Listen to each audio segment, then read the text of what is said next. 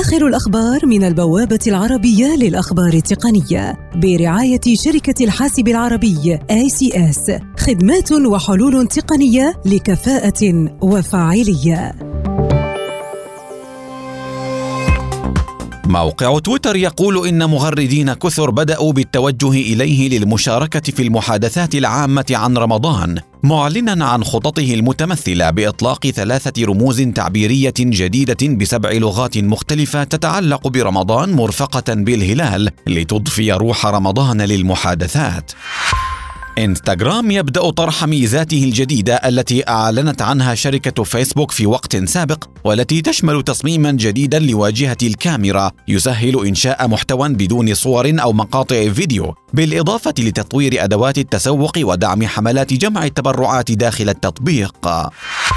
فيسبوك تنشئ غرفة عمليات في العاصمة الإيرلندية دبلن تضم عشرات الصحفيين الذين سيعملون على حماية الانتخابات الأوروبية من الأخبار الكاذبة التي من شأنها التأثير على نتائجها من خلال انتشار الحسابات المزيفة.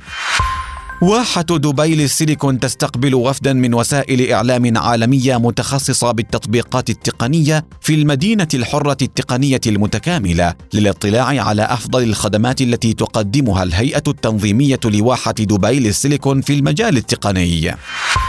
شركة AMD تكشف عن الإصدار الذهبي لمعالجات AMD Ryzen 7 2700X وبطاقة الرسوميات AMD Radeon 7 احتفالا بمرور 50 عاما على تأسيسها.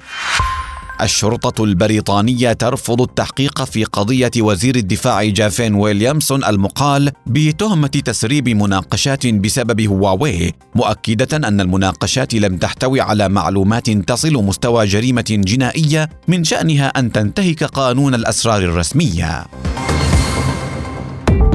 آخر الأخبار من البوابة العربية للأخبار التقنية برعاية شركة الحاسب العربي ACS خدمات وحلول تقنية لكفاءة وفاعلية.